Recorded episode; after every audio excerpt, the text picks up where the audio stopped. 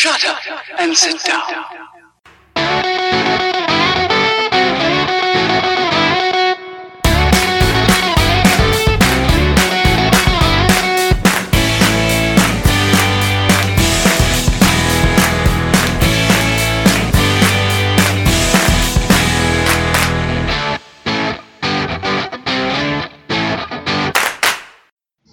Selamat datang kembali di podcast Bung episode 13 Pertama di tahun 2019 Eh, Segmen pertama kita mau bahas pertandingan terbesar di awal tahun ini Antara Manchester City versus Liverpool. Berhasil 2-1 Hasilnya tuh berhasil men- mencegah mencegah angka angka depresi meningkat, angka depresi dan angka angka catatan bunuh diri meningkat karena barisan penjegal Liverpool tuh berhasil apa ya tersenyum lebar melihat hasil eh, Man City menang kekalahan pertama Liverpool di eh, Liga Inggris di musim ini. Eh, hasil ini pun eh, kayak sepertinya balas dendamnya City musim lalu kan. Soalnya di musim 17-18 itu di bulan Januari juga pas Liverpool versus Man City di Anfield eh, Liverpool menang 4-3 dan itu pun memutus berapa ya? Iya, rekor Unbeaten-nya Man City kayaknya 22 pertandingan tanpa kekalahan gitu. Eh, co- coba sekarang kita kasih Bung Dimas nih sebagai perwakilan United States United States of Manchester mau berkomentar apa soal hasil Man City versus Ya. Liverpool kemarin? Ini intinya nih hasil sangat disyukuri lah buat, buat tim-tim peringkat dua dan seterusnya. Karena ya seandainya City gagal menang, entah itu seri atau kalah, nah, Iya, entah poinnya. gimana lagi tuh Liverpool harus eh, menghentikan Liverpool gimana. Ya kalau gua sih lihat lihat panennya highlightnya doang sih. Emang sih kayak di babak awal babak pertama itu si Liverpool sering banget nyerang kalau ngeliat Hmm. Bahkan yang apa yang tau gak yang apa tendangannya siapa itu yang di flag akhirnya Oh iya, Eh, peluang pertama Liverpool tuh yang Sadio Mane kalau nggak salah itu satu dua sa- salah dia ngasih sodoran ke Sadio Mane, dia tendang kena tiang, tiang gawang sebelah kanannya Ederson. Terus mantul em, mau dibuang sama Stones kalau nggak salah, mau dibuang sama Stones kena Ed- Ederson me- mental kena tangan atau kepalanya gitu. Jadi balik lagi ke gawang bolanya cuman itu nyaris berhasil disapu keluar untuk dua Cuma- kali sama John Stones. cuman ini beda apa ya cuman beda berapa sentimeter doang tuh bola Enggak, bola mili, milimeter malah katanya hitungannya tuh cuma belasan milimeter. iya goal line teknologi akhirnya menolong eh, Manchester City di babak pertama dan dan akhirnya City unggul lewat golnya si Sergio Aguero yang gokil juga sih sih dari sudut sempit itu. Iya, dia tembok ke atas gitu. itu awalnya menurut gua situasinya nggak terlalu berbahaya awalnya loh. Pas yang pas mau crossing siapa tuh di sebelah kirinya Manchester City. Hmm. sebenarnya tuh dari situasi yang nggak terlalu berbahaya tapi ke mulut tiba-tiba Aguero dapat bola kontrol balik badan langsung langsung Langsung nge-shoot. Ke atas lagi nge-shoot gitu. Dan Iya, shootnya pun kayaknya agak nggak diprediksi sama Alisson sih kan. Mungkin dia Alisson kira mau ditarik ke tengah lagi kan bolanya cuman ternyata langsung di shoot sama itu. Aguero. gol khasnya Aguero sama gitu sih kadang-kadang dari situasi yang nggak terduga emang sering banget Aguero sering gol kayak gitu Iya. dan akhirnya Liverpool nyetak gol lewatnya Firmino tapi akhirnya Iya. dibalas lagi sama saya Leroy Sané ya Sebelum terciptanya gol Firmino tuh menurut gua eh, eh, hasil hasil apa namanya? kerjasama yang sangat baik menurut gua dari siapa pertama tuh bola? Pokoknya diumpan-umpan ke dari Mane salah gitu terakhir baru dikasih apa ya? Kan da- eh dari Alexander Arnold kalau salah dari Arnold dari Oh, dari sebelah dia. kanan. Eh, dia crossing kaki kaki Iya. kiri. Enggak pakai kaki kanan crossing ke Robertson dulu dari kanan kasih ke kiri. Robertson di pojok dia pakai kiri dia nggak crossing pakai kiri nggak gua? Oh ya pokoknya dia nggak dari kanan dia dari dari posisi sisi kanan. kanan ke kiri. Dari Robertson dibalikin lagi ke tengah Robertson tiba-tiba tiba-tiba udah ada di situ. Disundul. Robertson gak ditendang malah disundul itu disundul. Ngasih ke tiang jauhnya Ederson. Terus di situ ada, ada Firmino di situ sundulan sampai ambil menjatuhkan diri gitu. Terus Ya. ya gue gua sih gue sebenarnya gue nggak nonton live ya. Padahal gue udah pasang alarm cuman nggak bangun gue bangun bangun udah jam 6 jadi gue gue nonton gue full matchnya tuh baru sore sore di hari Jumatnya.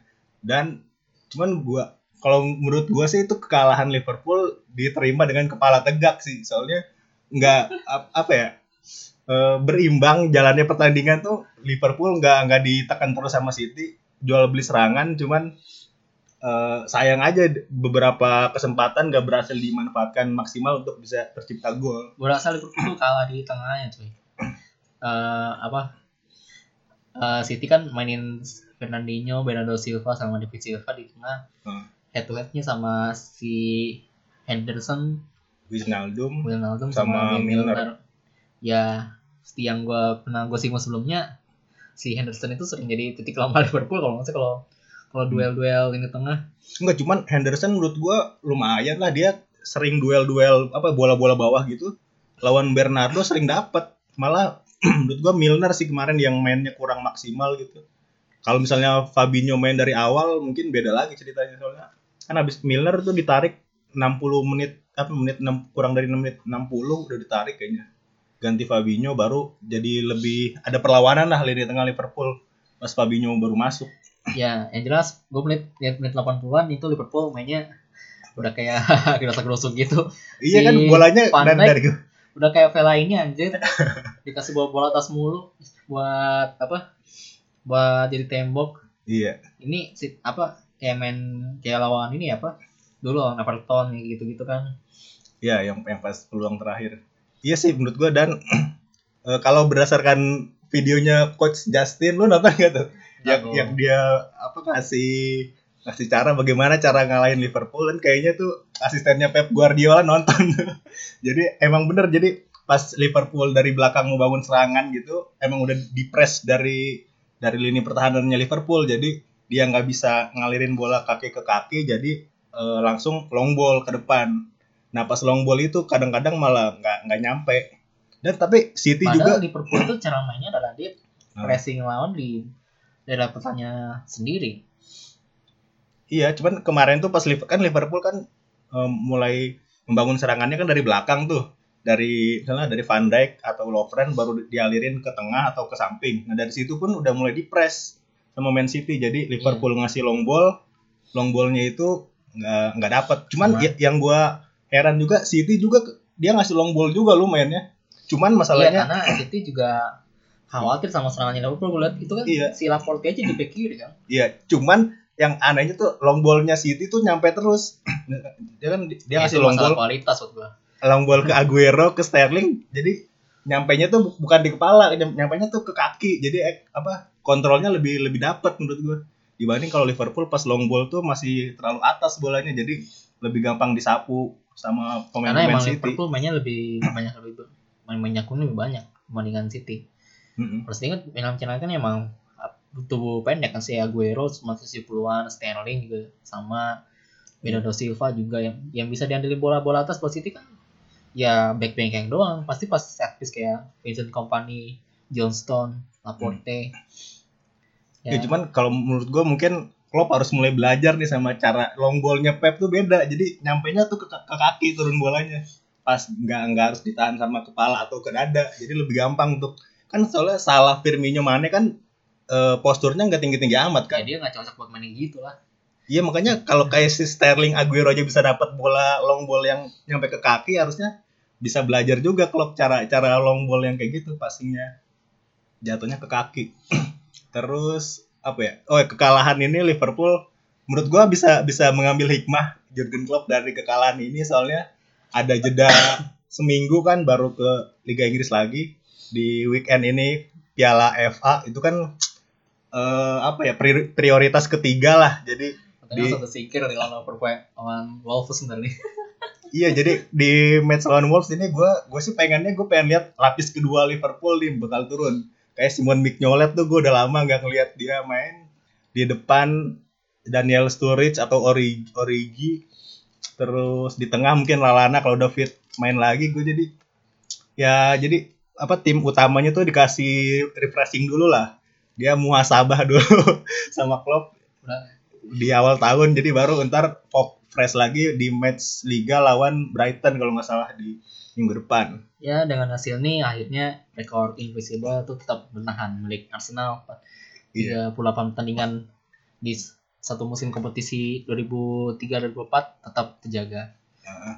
dan ya cuma beda 4 poin sama City sekarang ya Cuman menurut kalau dari sudut pandang gue sih apa sih istimewanya jadi invincible gitu? Paling kan cuma bedanya apa ya? Kayak di sepuh emas gitu ya apa pialanya sama gue nggak tahu deh kalau gue juga nggak tahu apa, apakah pialanya itu dalam Kayaknya- emas atau biasa aja kayaknya atau- beda deh piala Arsenal, Arsenal tuh kayaknya di sepuh emas cuman gitu. atau cuman itu cuman editan-editan di media-media doang Enggak. Cuman kalau misalnya nih jadi invincible itu menjamin lu karena lu juara invincible lu dapat dua trofi. Gua gue usahain deh Liverpool supaya invincible gitu. Cuman kalau di akhir musim dia cepet cuma dapat satu trofi doang ya nggak gitu penting sih menurut gue yang penting ya Bisa penting lah buat, buat konsisten. lah. itu kan buat apa sih buat jadi jadi di apa ya pegangan sejarah doang gitu gue sih nggak pengen pegangan sejarah buat sekali doang gue pengennya terus tiap musim tiap musim gitu lah. Terus apa lagi? Liga baru main lagi eh, apa pekan depan. Soalnya pekan ini ada piala FA ya. Ya ini masih babak babak babak awal. Kalau dari klub liga Inggris yang ketemu klub championship dan ke bawah sih harusnya difavoritin bisa lolos lah ya. Kecuali dia ketemunya sama sama klub dari Premier League tuh baru mungkin lebih agak seru pertandingannya. Kayak Liverpool contohnya ntar kan dia di Piala FA lawan Wolves kandang lagi. Kayaknya tersingkir. Ya nggak apa-apa sih gue. Yang penting gue pengennya ntar di lapis kedua turun. Jadi buat supaya startingnya jadi fresh. Supaya apa ngasih motivasi juga nih. Kalau misalnya si lapis keduanya bisa main bagus kan siapa tahu nanti lawan Brighton bisa dipanggil naik ke tim utama. Terus apa lagi yang seru di Liga Inggris? Di kan kalau kan kita previewnya di pekan 20 ya. Sekarang kita reviewnya 20 21 nih. Iya nih. Ya Chelsea City menang. Eh, 0-0 Chel- Chelsea seri kan? Padahal ma- 0-0. main di kandang. Eh, Arsenal menang lagi akhirnya bangkit 4-1 United menang penting oh ya lawan Fulham. United menang lawan Newcastle. 2-0 oleh Gunnar Solskjaer masih ada ini enggak masih unbeaten cuman yang yang mau gue sorotin nih kalau misalnya kan musim depan Solskjaer udah pasti apa manajer nggak? Atau katanya dia ada, ada rumor. Masih dipertimbangkan. Pokoknya klausulnya kalau misalnya eh Solskjaer diambil sama United si Hmm. United mesti bayar. Kalau nggak salah mesti bayar 7,5 juta pounds kalau nggak salah ke Molde soalnya emang dia punya, masih punya kontrak. Soalnya kan saat ini kan dia dipinjemin kan ya kontraknya kan masih di Molde kan makanya pinjamannya bayar 1,5 juta. Untuk enam bulan gitu? Iya. Ah itu mah receh lah buat klub sekelas United. Dia pecat pelatih aja bayar Mourinho berapa itu? 15 juta Ya. lebih malah. bayar tujuh setengah juta mah setengahnya doang bisa lah. Nah soalnya kalau musim depan United nggak belum bangkit juga nih menurut gua Liverpool City itu bisa jadi the next North Northwest apa sih? Enggak lah enggak Northwest. Derby. iya kalau misalnya MU musim depan itu masih belum konsisten nih mainnya. masalah ya kan gue bilang Kenapa? Northwest Derby itu tercipta dalam tercipta dalam puluhan puluhan dua puluhan tahun coy. Nggak nggak dalam waktu cuman lima tahun kayak gitu. Ya kan calon lah ini kalau misalnya MU mainnya. Tapi menurut gue sih ada ada per- perubahan lah. Jadi lebih menyerang lagi kan nggak nggak sebertahan versi Mourinho jadi ya gue sih pengennya tetap lawan sama MU lah Northwest Derby-nya jangan sama City jangan ganti City juga siapa sih fansnya dikit anjir di sini terus udah kali ya segmen satu gitu dulu Iya. nanti kita ketemu lagi di segmen 2 segmen 2 kita bahas eh, perkembangan bursa transfer ya Iya. yang sudah berlangsung sampai pekan pertama Januari ini. Jadi sampai ketemu lagi di segmen selanjutnya.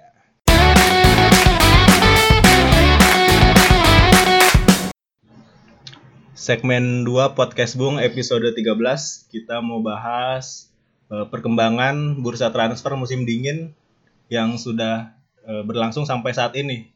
Siapa dulu nih yang ya Seru untuk kalau akhir hari ini Christian Pulisic resmi ke Chelsea tapi baru Baru. musim depan baru gabung sekarang pinjemin dulu ke Dortmund Iya, berarti Tapi itu sekarang- sama kayak transfernya Na- Nabi Keita, ya dulu dijanjikan Liverpool belinya. Eh, itu setahun ya malah dipinjemin ya. Ini enam bulan berarti dipinjemin tetap di Dortmund ya. Adrian Rabiot katanya eh, resmi ke Barcelona free transfer Di akhir musim Akhir ini. musim juga Eh, Terus, terus dengar-dengarnya Aaron Ramsey hampir fix ke Juventus ya itu pemain favoritnya coach Justin pindah ke Juventus juga akhirnya. Ramsey terus Terus eh di Milan, gue dengar si Lucas Paqueta, pemain muda dari Brazil yang main di Flamengo, datang juga ke, ke San Siro. Terus Dominic Solanke katanya pindah. oh ya Ke Bournemouth. nanti Liverpool gua aja yang bahas. Lo dari MU siapa dong? belum ada. Belum ada. Tapi rumor-rumor ini malah ada yang pindah. Ada yang pindah. akhir musim nanti. Si Siapa? Valencia sama Ashley Young diisukan diisukan diambil sama Inter Milan free transfer. Transfer. Oh, ya, Soalnya kontraknya udah mau habis dan Hmm. mesinnya juga udah tua. Kalau Iya. kalau menurut gue sih sah-sah aja sih kalau mereka pindah karena ya United butuh permajaan lah di sektor fullback. Ya, terus kalau dari Liverpool nih, Liverpool berbisnis melanjutkan tren bisnisnya dengan Bournemouth, cuman kali ini Liverpool yang jual. Jadi yang udah resmi kayaknya Dominic Solanke ya, 19 juta pounds. Itu pemain padahal musim ini jarang, main loh di Liverpool. Terus sama ini sih Nathaniel Klein, cuman dia dipinjemin sampai akhir musim ini. Hmm. Soalnya kan eh, kalah bersaing hitungannya sama Alexander Arnold, terus eh, Joe Gomez juga katanya udah mulai udah mulai bisa latihan. Sama ada pemain muda dari akademi siapa Camacho atau siapa gitu. Jadi klien nggak dapat, jadi jam terbangnya dikasih ke Bournemouth.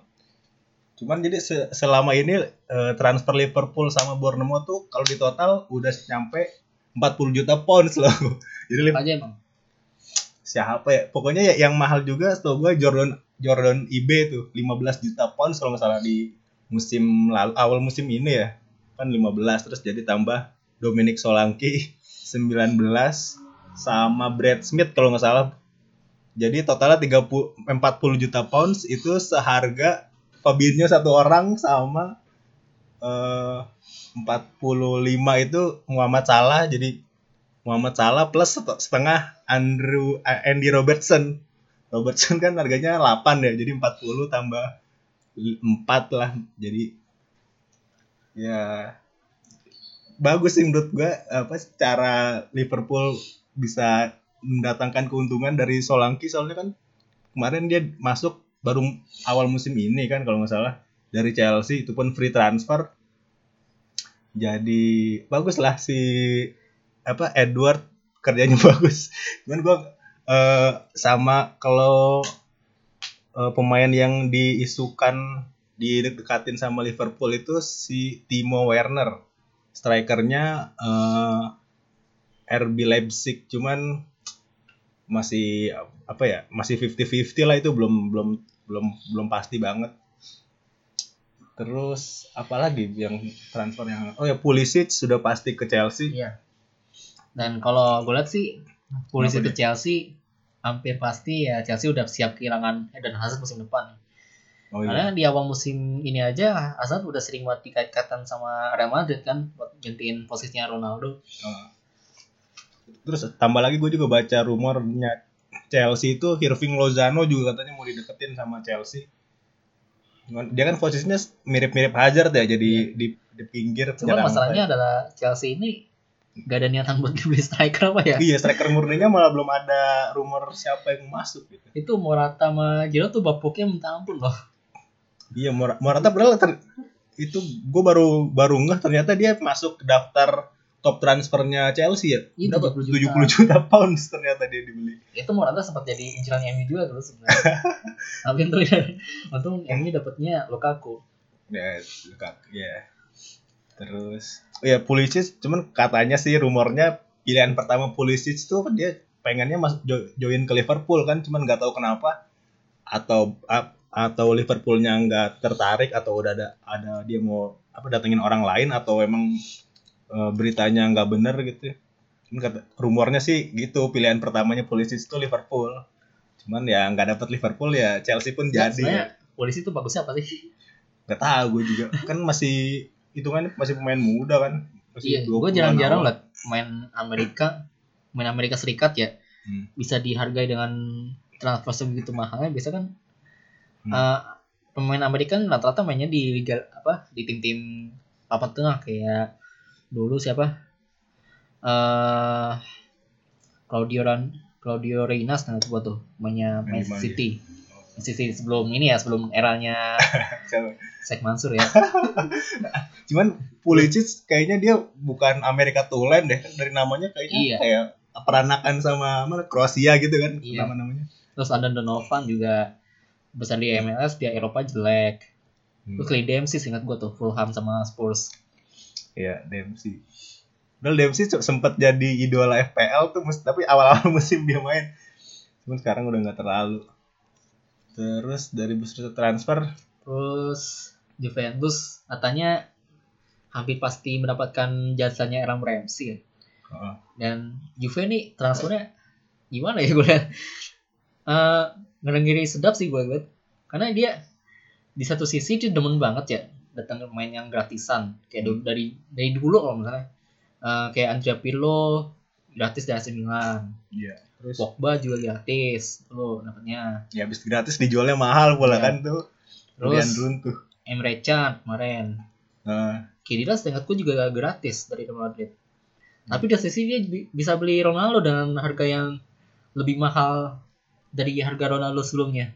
Hmm, gua kayak dia bisa menggabungkan eh entah gue gimana ya gue bingung antara dia itu kaya sebenarnya miskin sih di situ karena ke- dengan kapasitas Juventus menurut gue dia seharusnya bisa bersaing loh buat apa ya lebih dari itu kalau di bisa transfer bisa ya buat beli pemain-pemain yang pemain lebih mahal muda kayak- gitu ya.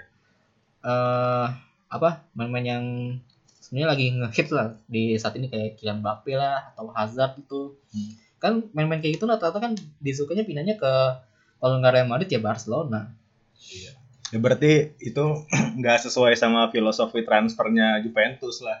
Dia dia lebih lebih pengen beli pemain murah atau malah gratis supaya apa apa ber bisa memberikan dampak buat klub atau nanti kalau dijual pun harganya nggak turun malah berkali-kali lipat gitu.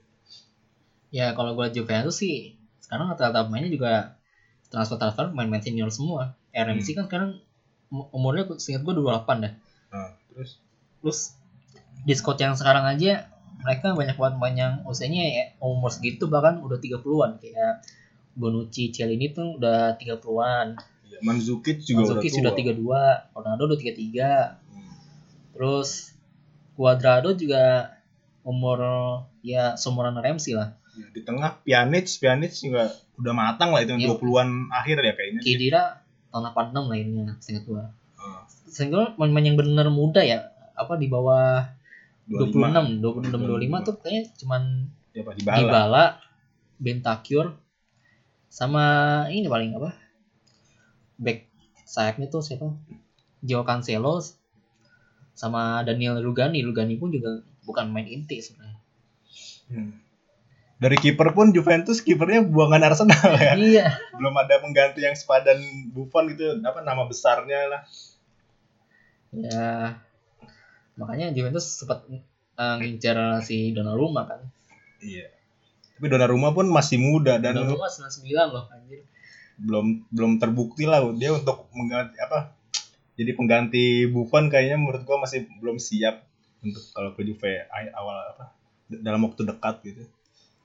Terus Terus di Spanyol, Adrian Rabiot eh katanya resmi ke Barcelona walaupun baru bisa gabung di Ya, akhir musim gratis. Ya, sebenarnya agak aneh juga sih. karena Maksudnya karena mungkin kualitas Rabiot menurut gua dia apaan sih tipenya? gelandang, tipe Enggak gelandang bertahan atau gelandang sentral. Rabiot Oh. itu setahu gua, seingat gua ya dia nggak nggak dipanggil timnas Prancis pas kemarin tuh Piala Dunia. Dunia. dan Dan gue ngerinya sih Barca, Barca blunder lagi di transfer ini. Kayak waktu dia beli siapa Andre Gomez dari Valencia. Gara-gara Sekarang malah ada di main Everton ya. Iya. Terus iya Rabiot pun kan apa kemarin tuh pas match PSG Liverpool dia katanya sempat diisukan mau ke Liverpool juga kan cuman gue lihat Liverpool tengahnya udah banyak gitu mau nambah Rabiot lagi buat apa kan terus apa lagi ya transfer Eh, Real Madrid belum ada, tapi baru ngincer eh tadi udah si Hasan doang paling. Eh, si- oh iya Bayern Munchen sempat mau ngincer ini coy. siapa Pemain mudanya Chelsea. oh iya ini yang Calum- Hudson Odoi ya Hudson Odoi. Dia terinspirasi Jadon Sancho kayaknya dia. cuman iya gue juga lihat berapa di mau ditawar 20 juta kalau nggak salah ya Iya. cuman abis itu eh, gue lihat beritanya si Ma- Mauricio Sarri bilang ini calon pemain masa depan Chelsea setelah dia mau diincar Bayern Munchen si Gimana? Odoi ini posisinya apa sih? apa ya kayaknya penyerang sayap gitu deh soalnya kan di awal-awal tuh di awal musim Liga Inggris kan dia main sering main tuh Hmm. pas pramusim di Amerika dia dia apa di kalau di di kalangan pecinta FPL tuh FPL luar katanya diprediksi dia bakal starting di awal-awal aja? jadi di Hazard sama Morata sama dia kalau saat di tiga penyerang cuman kenyataannya nggak main cuma cadangan doang sampai sampai Ya. sekarang lah Kalau gue si Bayern Munchen sih urgensi terbesar mereka ya itu jelas harus jadi penggantinya iya Robert Robert Ribery. Iya. Robin kan katanya akhir musim ini juga bakal cabut dari Bayern. Hmm. Ribery juga ya mereka berdua kan usianya udah udah tiga empat tiga lima udah Iya.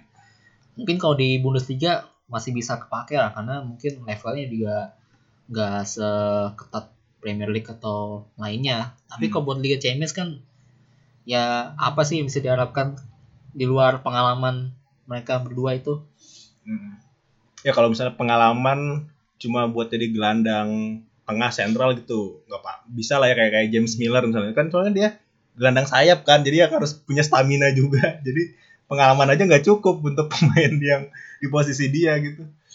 Dan apalagi kan Bayern ya udah apa statusnya udah klub top Eropa ya. Hmm. harusnya sih regenerasinya tuh udah terjadi sih menurut gua. Agak blunder Bayern belum belum punya pengganti Robbery sampai dia Iya. udah mau pensiun.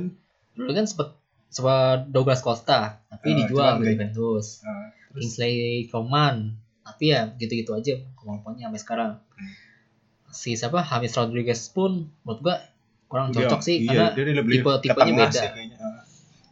terus ya menurut gua ya kalau misalnya Bayern Januari ini nggak dapat pemain pengganti si Robbery itu menurut gua ya itu jadi cukup apa ya, angin segar juga buat Liverpool sih jadi ya. Gua nggak gitu juga coy.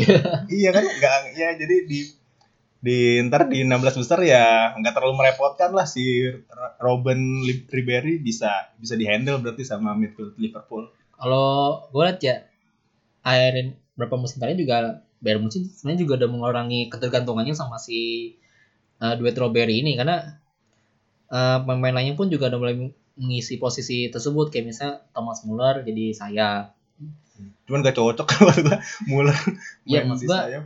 walaupun di sayap kena- eh, sistem permainnya oh ini beda dia nggak gitu nggak ya kayak apa nggak kayak waktu mereka ma- mainin si Robin yang Iya. mungkin lebih skillful Ah. dan itu sering banget diterapin sama Pep waktu dulu di Munchen jadi Hmm. jarang banget gue liat Pep itu mainin eh, Robin Ribery itu secara bersamaan karena lebih sering eh, Muller Douglas Costa waktu itu masih ada Godze. Iya. Dan eh, Lewandowski jadi striker tunggal. Hmm. ya. Ya mungkin segitu aja update eh, bursa transfer musim dingin di segmen 2 kali ini. Kita ketemu lagi di segmen terakhir yang akan membahas Piala Asia ya. Jadi tunggu aja sampai ketemu di segmen selanjutnya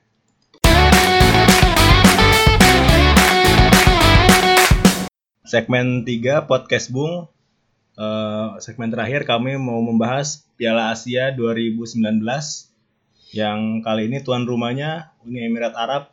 Ada berapa? 6 grup ya? Ada Iya. 6 grup. Hmm.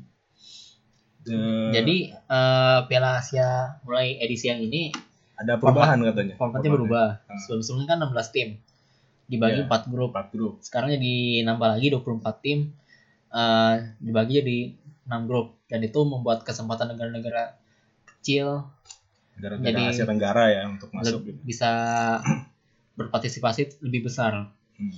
Kalau lihat di grupnya, di grup A ada Uni Emirat Arab, Thailand, India, Iya. Bahrain. Grup B ada Australia, Suriah, Yordania, Palestina. Hmm. Grup C Korea Selatan, Cina, Kirgistan, Filipina. Grup D Iran, Irak, Vietnam, Yaman. Ya udahlah bisa lihat sendiri itu Ya. prosesnya. Grup E Saudi, Qatar, Lebanon, Korut. Grup F Jepang, Oman, Uzbekistan, eh, Turkmenistan. Hmm. Jadi ini sistemnya nanti eh, dua pering apa juara grup sama runner up otomatis lolos sama Peringkat nyari empat berarti ya empat peringkat tiga peringkat tiga terbaik. ya 11 12 sama Piala Eropa kemarin lah. Kalau gua sih gua berharap nih tiga tim Filip- eh tiga tim Asia Tenggara bisa berbicara banyak lah. Terutama Thailand sama Vietnam sih karena sekarang kan eh, ada potensi kan dari satu grup yang lolos tiga tim. Kalau lihat grupnya Thailand menurut gue itu cukup memungkinkan karena Bisa nyari runner up lah ini Thailand. iya India bisa grup bisa lolos gimana caranya India bisa lolos dah? India musim yang kemarin juga lolos 15. Oh, Jadi setahu gua Piala Asia itu jalur buat lolos itu selain dari apa kualifikasi secara reguler, terus ada lagi eh, juara 1 2 3 yang kemarin otomatis lolos buat berikutnya. oh itu yang itu yang juara kemarin siapa aja? Kemarin juara kan Australia, Nah, runner up. runner-up-nya setahu gua Cina kalau nggak salah. Terus Eh, oh Korsel di juara 3 kalau nggak salah. Mereka tiga lolos langsung sama kualifikasi. Terus satu lagi dari ini setingkat gua pemenang ada namanya kompetisi namanya AFC Challenge Cup. itu yang yang yang juara siapa di situ? Gue India. gue nggak ingat yang sekarang. Tapi pas 2015 ya Asia 2015 yang juara itu Palestina. Oh, makanya Jadi. AFC Challenge Cup itu itu kompetisi turnamen yang mempertemukan negara-negara Asia tapi peringkat peringkat hampir 200 FIFA dunia dah. Dia peringkat-peringkat bawah di FIFA. Oh. Jadi Yang biar lolos. biar dapat golden ticket gitu ya Iya. otomatis ke Piala Asia. Indonesia harusnya Bisa jadi- di situ ya. cuma peringkat kita belum Cuman peringkat kita nggak jelek-jelek amat ya. Harus- harus- Harus turun banget. Terus oh ya yang yang yang menarik dari ini kan eh, banyak pemain-pemain top Asia yang berkompetisi di Liga Eropa. Inggris kan di Eropa. Eh, kayak misalnya dari Korea Selatan gitu. Cuman eh, yang yang bersedia dipanggil ke timnas siapa aja nih dari pemain-pemain Liga Inggris? Kayak kayak Son Heung-min kan dia dia Ah. masuk ke dipanggil timnas. Cuman ada syaratnya ya kalau nggak salah. Iya Dia- dia, dia baru dipanggil Kalah bermain ya? kalau misalnya Korsel lolos. Lolos ke fase gugur nanti. Terus di Jepang juga ada sih yang main si Maya Becky Southampton tuh Maya Yoshida Oh iya, tapi dia dia main dari fase grup atau gimana? masa grup langsung. Dari fase grup. Terus sama sama pemain- ini kipernya Filipina Neil Etheridge Nggak apa dipanggil kabar ya? dia? nggak dipanggil. Nggak dipanggil atau menolak menolak dipanggil gitu? Kayaknya nggak diizin sama klub ya deh. Oh, Ya karena emang jadwalnya emang Januari sih gue juga bingung kenapa Januari deh. Padahal kan di saat Piala Afrika kan dulunya Januari. Ah. Itu jadi momok buat klub Eropa karena banyak pemain Afrika yang cabut di Januari. Akhirnya Iya. dipindah ke ke, jadi pindah ke summer kan ya ke musim. musim panas. Oh. Nah, Asia terakhir kali di musim panas kan pas kita tuan rumah Indonesia 2007. Iya. Terus akhirnya 2011, Pindah pindah ke Januari itu mulai kompetisi Piala Asia tahun berapa? 2011 11 sudah ke di Qatar Januari. waktu itu. Hmm, Waktu itu emang masuk akal sih karena Qatar kan panas ya kalau- panas kalau dipindah ke panas. musim dingin. Hmm. Tapi selanjutnya sampai sampai sekarang eh, di musim dingin terus. Kemarin pas 2015 di Australia juga Iya, benar musim benar di Australia nih, di musim panasnya nggak nggak panas-panas banget Iya. kan ya. Bisa dipakai di musim panas benar. Terus dan kalau bicara Piala Asia sebenarnya semenjak Australia masuk peta kekuatannya berubah sih menurut gua. hmm, Karena nggak melulu eh, sekarang kalau kan benar terpusat di Asia Timur sama Asia Barat. Iya, grupnya jadi Jepang Korea. Jepang Korea agak-agak bete ya. Setelah Australia masuk. sekarang Australia masuk bahkan ada 15 main juara. Hmm. Australia sebenarnya perwakilan AFF sebenarnya. Kenapa? perwakilan AFF sebenarnya. Iya, Asia Tenggara. Cuman dia nggak main nggak ikut main kualifikasi. nggak main AFF yang senior. Dia mainnya yang junior doang. Oh, soalnya udah terlalu jago ya. jatuhnya bentrok juga sama sama kompetisi mereka. Oh, dan ya mungkin uh, kekurangannya Piala Asia menurut gue ya soal balik lagi soal hegemoni. Karena uh, seperti yang sudah di edisi-edisi sebelumnya juga rata-rata kalau pertandingan yang nonton rumah emang nggak terlalu rame nontonnya. Nah itu balik lagi. Uh, karena yang emang letak geografis Asia kan emang banget. Terus nggak semua negara Asia itu udah maju masih banyak yang ber- masih banyak negara berkembang bahkan negara konflik. Dan akhirnya itu menghambat masyarakat mereka untuk menyaksikan sepak bola secara langsung kan. Ya tapi tetap aja sih menurut gua pasti ini punya punya daya tarik karena eh gue yakin banyak banyak banyak scouting scouting dari klub Eropa yang bakal memantau eh Piala Asia ini buat merekrut pemain di bursa transfer mendatang. Hmm.